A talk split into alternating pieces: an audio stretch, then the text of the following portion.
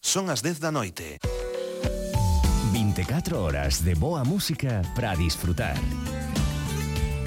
Radio Galega Música.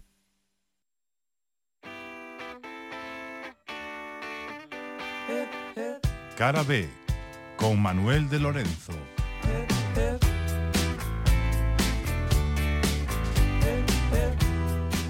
Moi boas. Hai uns días estaba eu a ver unha entrevista que lle facía o presentador, guionista e comediante Conan O'Brien ao cantante da banda Weezer, a Rivers Cuomo.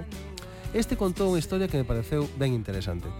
A entrevista tivo lugar no podcast que presenta o propio Conan e que se chama Conan O'Brien Needs a Friend, ou seja, Conan O'Brien necesita un amigo, onde leva xente famosa a conversar con ele e tal un pouco como que facía no seu late night, pero nesta ocasión, pois, no seu propio podcast. E ali, eh, Rivers Cuomo eh, contaba que despois do éxito masivo que tivo Wizard co seu primeiro disco, The Blue Album, el persoalmente sentíase valeiro e triste, non?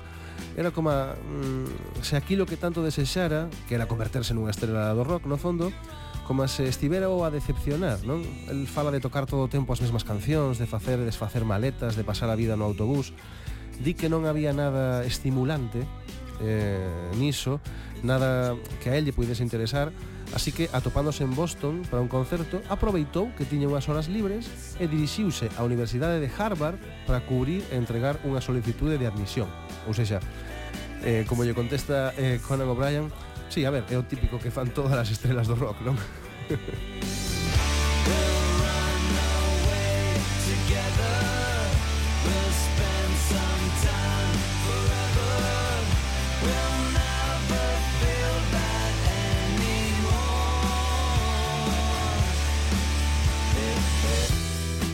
Conan O'Brien interésase por saber se os demais rapaces da facultade eh, decatáronse de que estaban a compartir curso con Rivers Cuomo de Wizard. E el contestou eh, que non o souberon ata o derradeiro día de clase. Comenta que había estudantes que levaban camisetas de Wizard, algúns deles mesmo sentados ao seu carón, pero que ningún deles o, o recoñeceu. Ademais, comenta el, comenta Rivers Cuomo, abro comiñas, deixei medrar o cabelo e unha barba moi longa e acababa de pasar por unha operación na miña perna, así que camiñaba cun bastón. Sinceramente parecía un tipo raro, extraño e bello. Remata contando que o derradeiro día de clase un dos rapaces achegouselle e preguntoulle «Ei, que vas facer no verán?» E Cuomo contestoulle «Pois vou sair de xira con No Doubt». E, e o rapaz, eh, claro, moi interesado, dixo entón ah, así que traballas nunha xira ou algo así, non? Como se fora parte dun equipo técnico, non? Eh, eh, eh, e, e, e Rivers Cuomo contestoulle, non, non, eu estou en Wizard. E claro, aí quedou todo o mundo pampo e, e sen deixar de, de miralo ata que rematou a clase, non?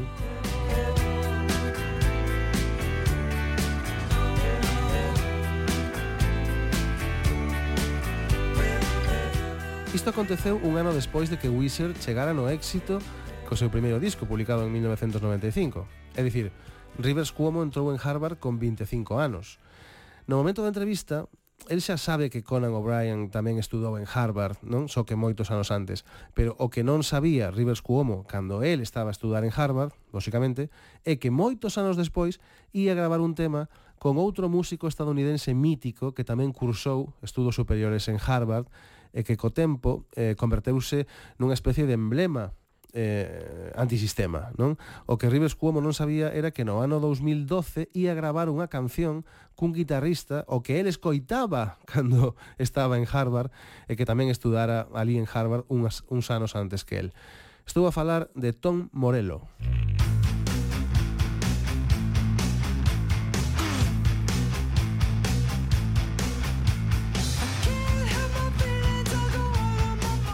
O 20 de outubro do ano 2022, Tom Morello publicou un tweet cun enlace a unha canción no que dicía Canción inédita que fixen con Wizard hai 10 anos Dous tipos de Harvard facendo rock O certo é que durante moitos anos os fans especularon sobre quen podía ser o guitarrista que acompañaba eh, a Rivers Cuomo nesta canción que circulaba por internet en forma de maqueta. Sabíase que era Rivers Cuomo o que cantaba, sabíase que era un tema, digamos, mm, de Wizard, non? Porque o usuario de Reddit que o filtrou eh, no ano 2017 subiu uno como se fora unha rareza de Wizard e mesmo así aparece en, en Youtube pero había algo máis nese tema que facía pensar que eran dúas as mentes pensantes detrás da canción, non? Especialmente polo riff pesado, potente e contundente de guitarra que se repite ao longo da canción e que lembra moito a Tom Morello.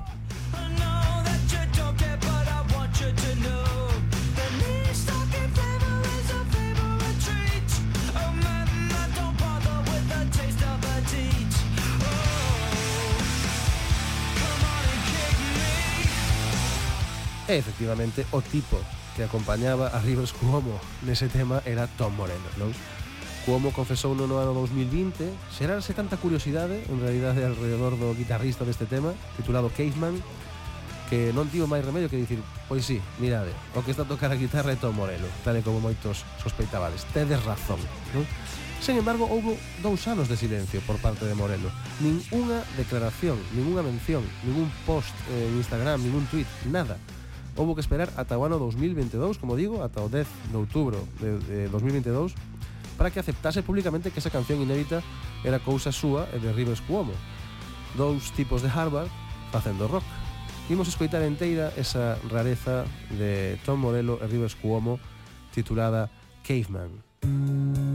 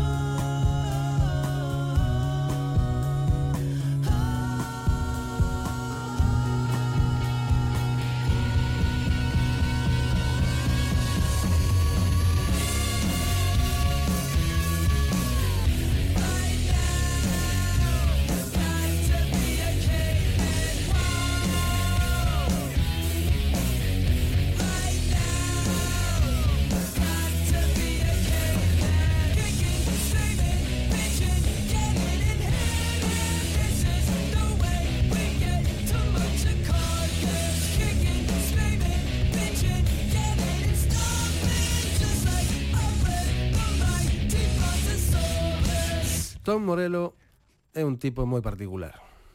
Como guitarrista, por suposto, non? Sempre aparece nas listas dos mellores guitarristas, sempre mencionado como eh, unha gran influencia. Eu teño a sensación de que a comezos dos anos 90, cando a guitarra eléctrica estaba un pouco sobreexprimida e daba a impresión de que mm, o seguinte Guitar Hero ia, ia, ia facer un pouco o mesmo que os demais, apareceu este tipo eh, co seu son inconfundible e os seus riffs implacables non? E deulle un novo enfoque ao instrumento. Se cadra recuperando a esencia dos grandes riffs dos anos 70, pode ser, pero cunha contundencia e cunha potencia incomparables, non? A min encántame. Pero estaba a dicir que Tom Morello é un tipo eh, moi particular, ademais de coa guitarra, a nivel persoal, non? É un ser eminentemente político, de forma pasiva, como somos todos, pero ademais de forma especialmente activa. É célebre a resposta que lle deu a un usuario de Twitter, eh, que lle fixe un comentario a propósito dunhas declaracións de Tom Morello sobre a morte de George Floyd e as protestas desatadas en Estados Unidos, o usuario dixo outro músico de éxito que de súpeto se converte nun experto político. E Tom Morello contestoulle Un non ten que ser un graduado con honores en ciencias políticas pola Universidade de Harvard para recoñecer a natureza pouco ética e inhumana desta administración. Pero vaya, resulta que eu son un graduado con honores en Ciencias Políticas pola Universidade de Harvard, así que podo cho confirmar. a política eh, e o activismo son inherentes a, a Tom Morello e tamén a súa música. Imos escoitar Hail to the Chief dunha das bandas nas que milita este gran guitarrista, o grupo Prophets of Rage.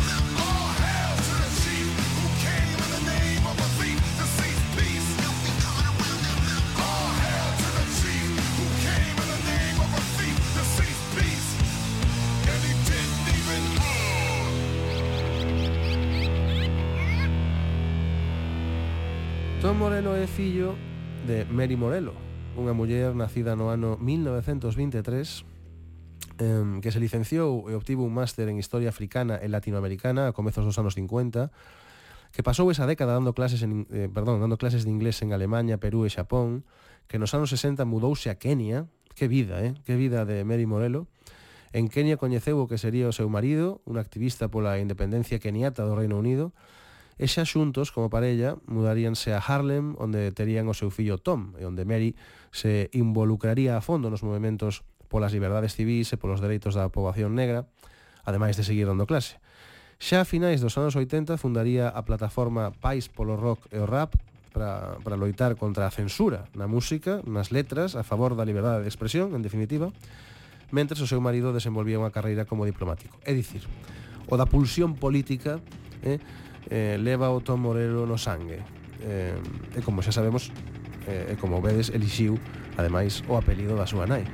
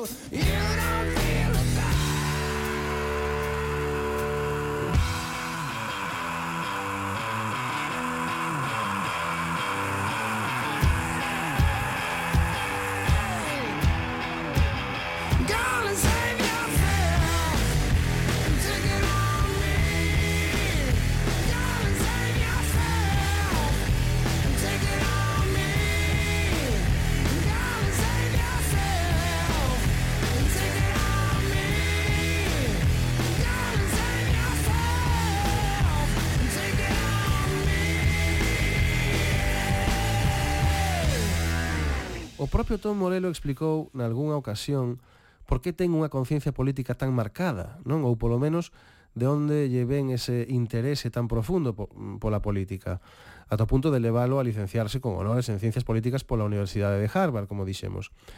Eh, comentaba el que a súa educación política empezou o primeiro minuto que tivo pel café entrou nunha gardería interracial. Non? Estas son as súas palabras.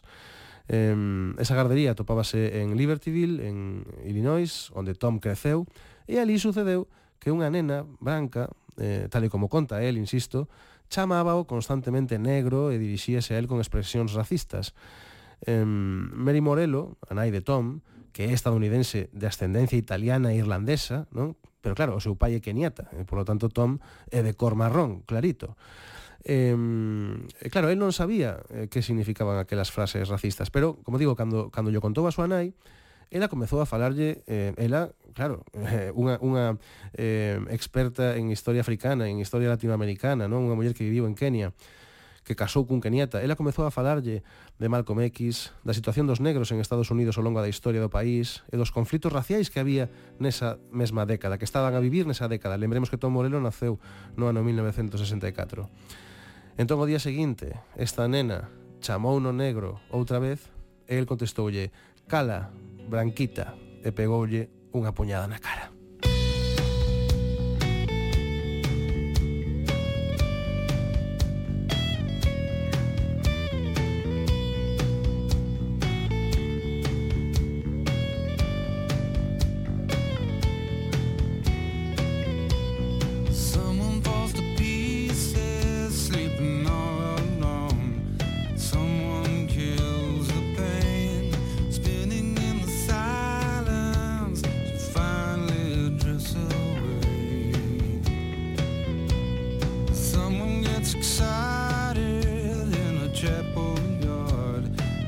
to the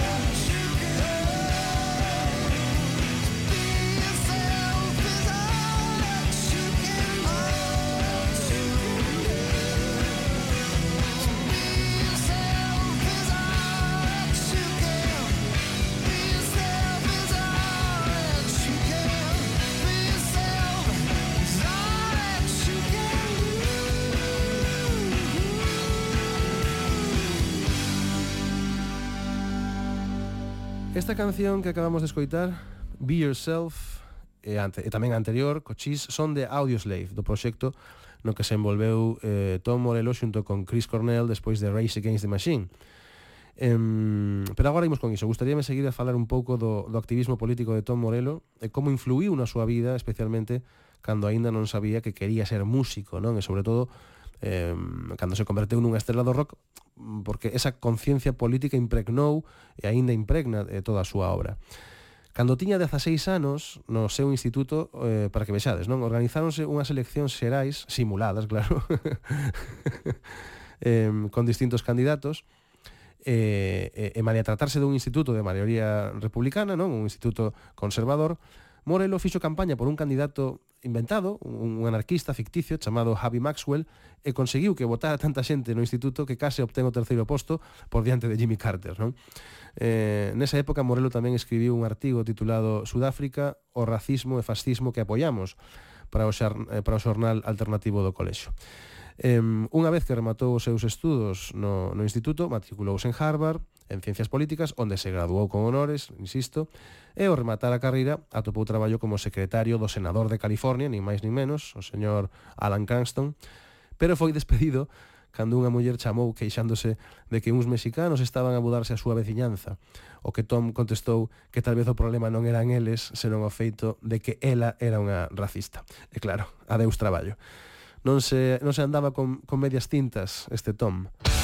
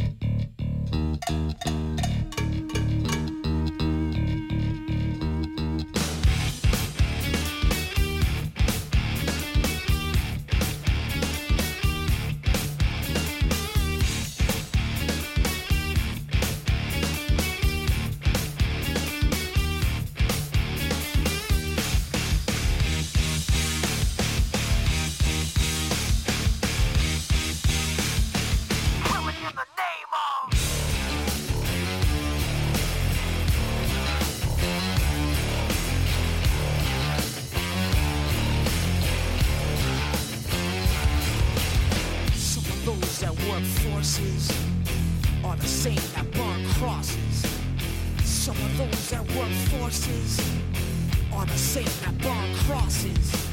Some of those that work forces are the same that burn crosses.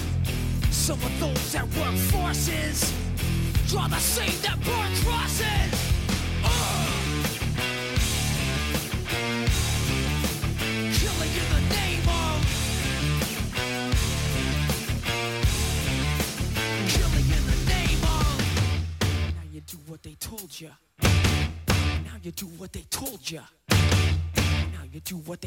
Ya. Now you do what they told ya. Now you do what they told ya.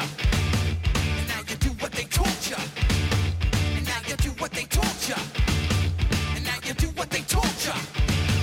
Now you do what they told ya. Now you do what they told ya.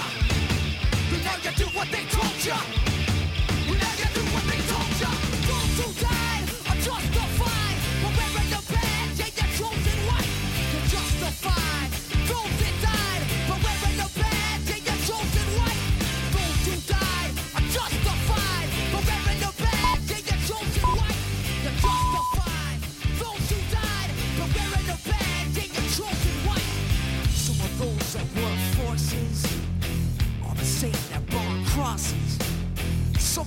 Those that work forces are the same that burn crosses. Some of those that work forces are the same that burn crosses. Some of those that work forces are the same that burn crosses.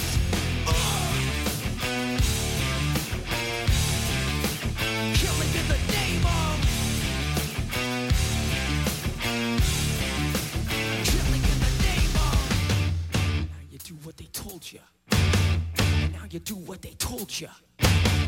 Now you do what they told you. Now you do what they told you.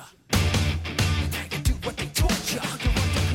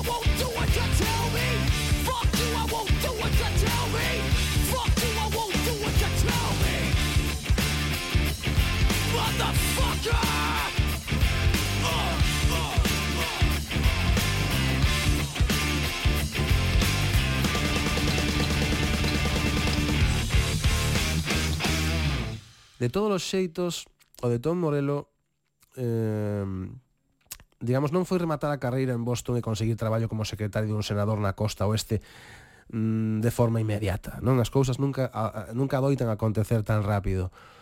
Primeiro primeiro mudouse aos Ángeles, onde ao principio tivo que gañarse a vida traballando do que puido, non? Que neste caso, curiosamente, foi de stripper. El mesmo contaba esta historia así. Cando me graduei en Harvard e eh, me mudei a Hollywood, estaba desempregado. Literalmente morría de fame. Así que tiven que facer traballos de baixa categoría e nun momento dado mesmo traballei como bailarín exótico. A canción Brick House dos Commodores era o meu tema. Facía despedidas de solteira e quedábame en calzóns. Que se iría máis lonxe?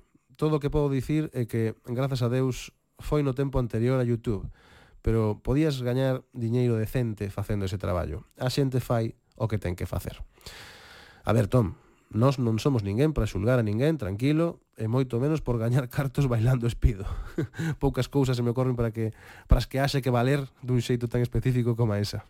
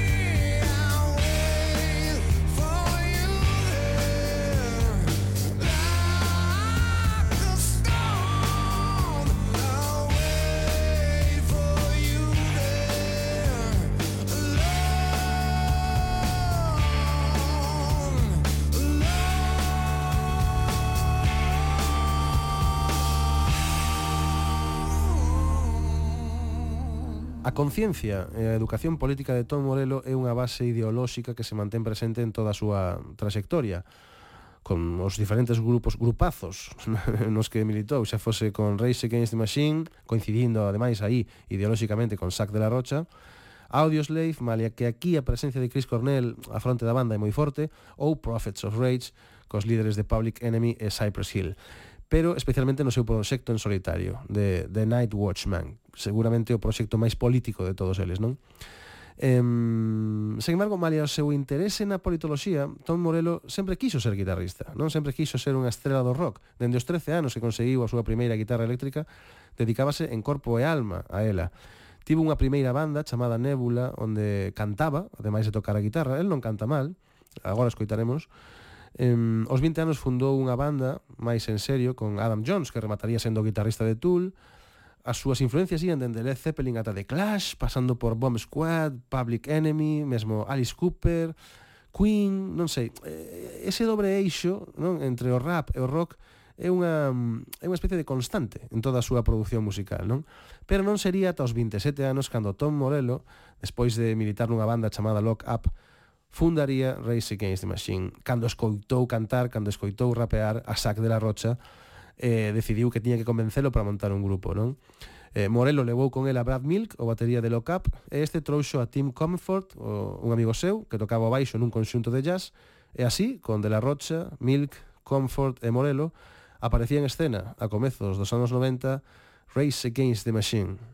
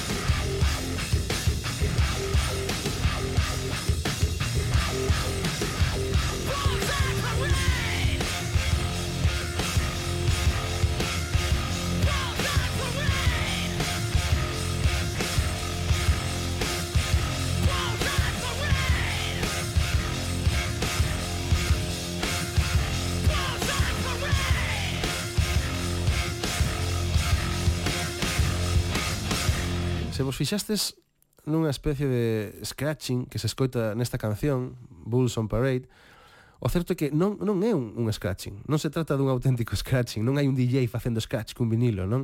É o propio Tom Morello coa súa guitarra. Eh, eh, porque se por algo destaca este tipo como guitarrista, ademais de, de por ser o, o, o gran creador de riffs, non, da nosa época, é polo uso de efectos sonoros que levan o seu selo, como esa especie de falso scratching que fai rabuñando as cordas eh, coa palma da man na mentres bascula entre dúas pastillas, ou a utilización do pedal Digitech Suomi, que provoca ese son tan característico dos solos de guitarra de Tom Morello, non aumentando a escala en unha ou dúas oitavas, Em, pero isto é algo que acontece cando está a tocar a guitarra eléctrica, claro. Eh, como dicía antes, Tom Morello tamén ten un proxecto paralelo de corte máis intimista, máis político, chamado The Night's Watchman, onde toca guitarra acústica, e, e sobre ese proxecto estas son as súas palabras. The Night Watchman é o meu alter ego político. Estiven escribindo estas cancións e cantándoas con amigos algunhas noites, dende hai algún tempo. Cando toco en noites de micrófono aberto, son anunciado como The Night Watchman. Ali haberá mozos que son fans do meu manexo coa guitarra eléctrica e veralos ladeando as súas cabezas, pero é algo que eu gozo facendo. Vexo como algo máis alá da miña política. De feito, algunhas das cancións non son totalmente políticas. Isto axúdame a crecer como artista e como letrista. Unha vez que picas a vea, nunca sabes que vais a ir. Música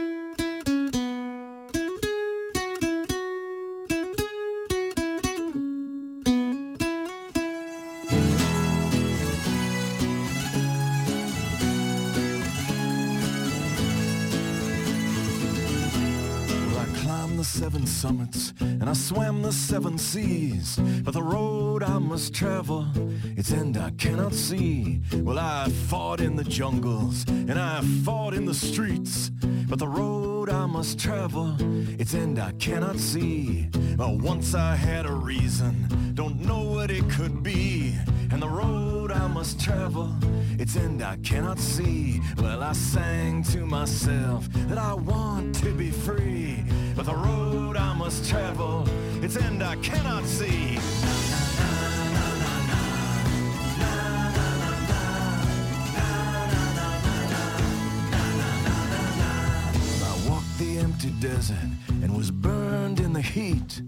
The road I must travel, its end I cannot see. Well, I crossed the frozen wasteland, in the bitter cold did freeze. And the road I must travel, its end I cannot see. And I will knock on every door, for I do not have a key. And the road I must travel, its end I cannot see. Well, I sang to myself that I wanna be free. But the road I must travel, its end I cannot see.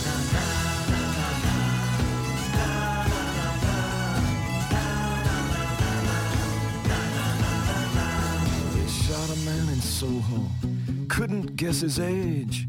I found his empty journal, I filled up every page. I called up my state senator, they said he wasn't there. The secretary took my name, and man, she sounded scared. So I counted my misfortunes, I added up the blame. I picked through all the garbage, I checked off all the names. I read in the newspaper, they questioned all my friends. They hoped that they could find my ass before I struck again. So I sang to myself that I wanna be free, but the road I must travel, its end I cannot see. And so when thirsty I will drink, and when hungry I will steal, but the road I must travel,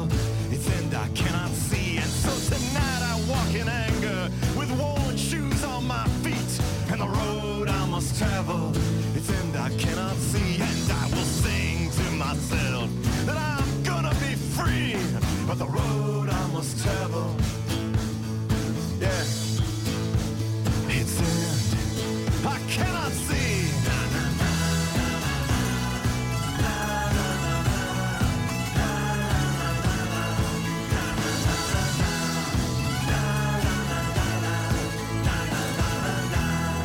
Sign along the highway, but it's too dark now to read.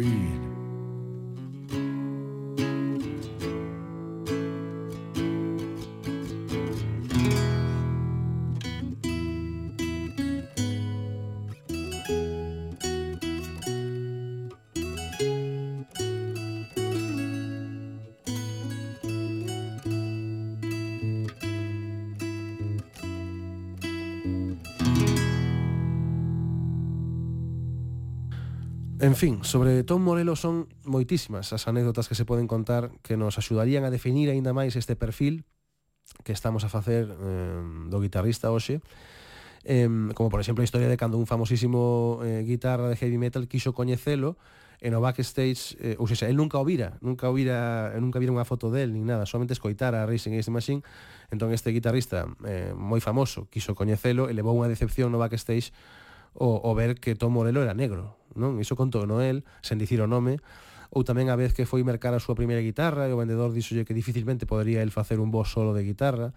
Isto causoulle un complexo, di el, non? Que sempre toda a vida estivo pensando niso. Eh, pero pode que esta relación coa súa guitarra sexa a que mellor serva para entender a clase de guitarrista que é, non? Guitarrista obsesivo, compulsivo. Eu vou vos ler para ir pechando xa este episodio de hoxe, unhas palabras que dixo el mesmo acerca do proceso de mellorar como guitarrista durante os anos de universidade. Dixo, estudar en Harvard mentres tocaba rock and roll foi un desafío. Foi un salto moi significativo porque tiña unha gran carga de traballo e ao mesmo tempo tiña que manter a miña cabeza na banda. E ademais, a iso hai que engadirlle que todos os días toco un bo anaco case de forma obsesivo-compulsiva. Acababa de estudar ás dúas da mañá e entón poñeme a tocar ata as seis, como se nada. Pasábame as noites tocando só, día tras día. Todo isto non axudou precisamente as miñas habilidades sociais, relacións sentimentais ou oportunidades laborais. Nos meus 4 anos en Harvard, ollo a isto, eh, atención a isto, nos meus 4 anos en Harvard perdínme quizáis dous días de práctica coa guitarra por culpa de algunha enfermidade debilitante e sentínme moi culpable por non tocar durante eses dous días. Isto penso, ou seja, sentirse culpable por non practicar dous días en 4 anos penso que nos dá unha boa idea do vencello inquebrantable entre Tom Morello e a súa guitarra.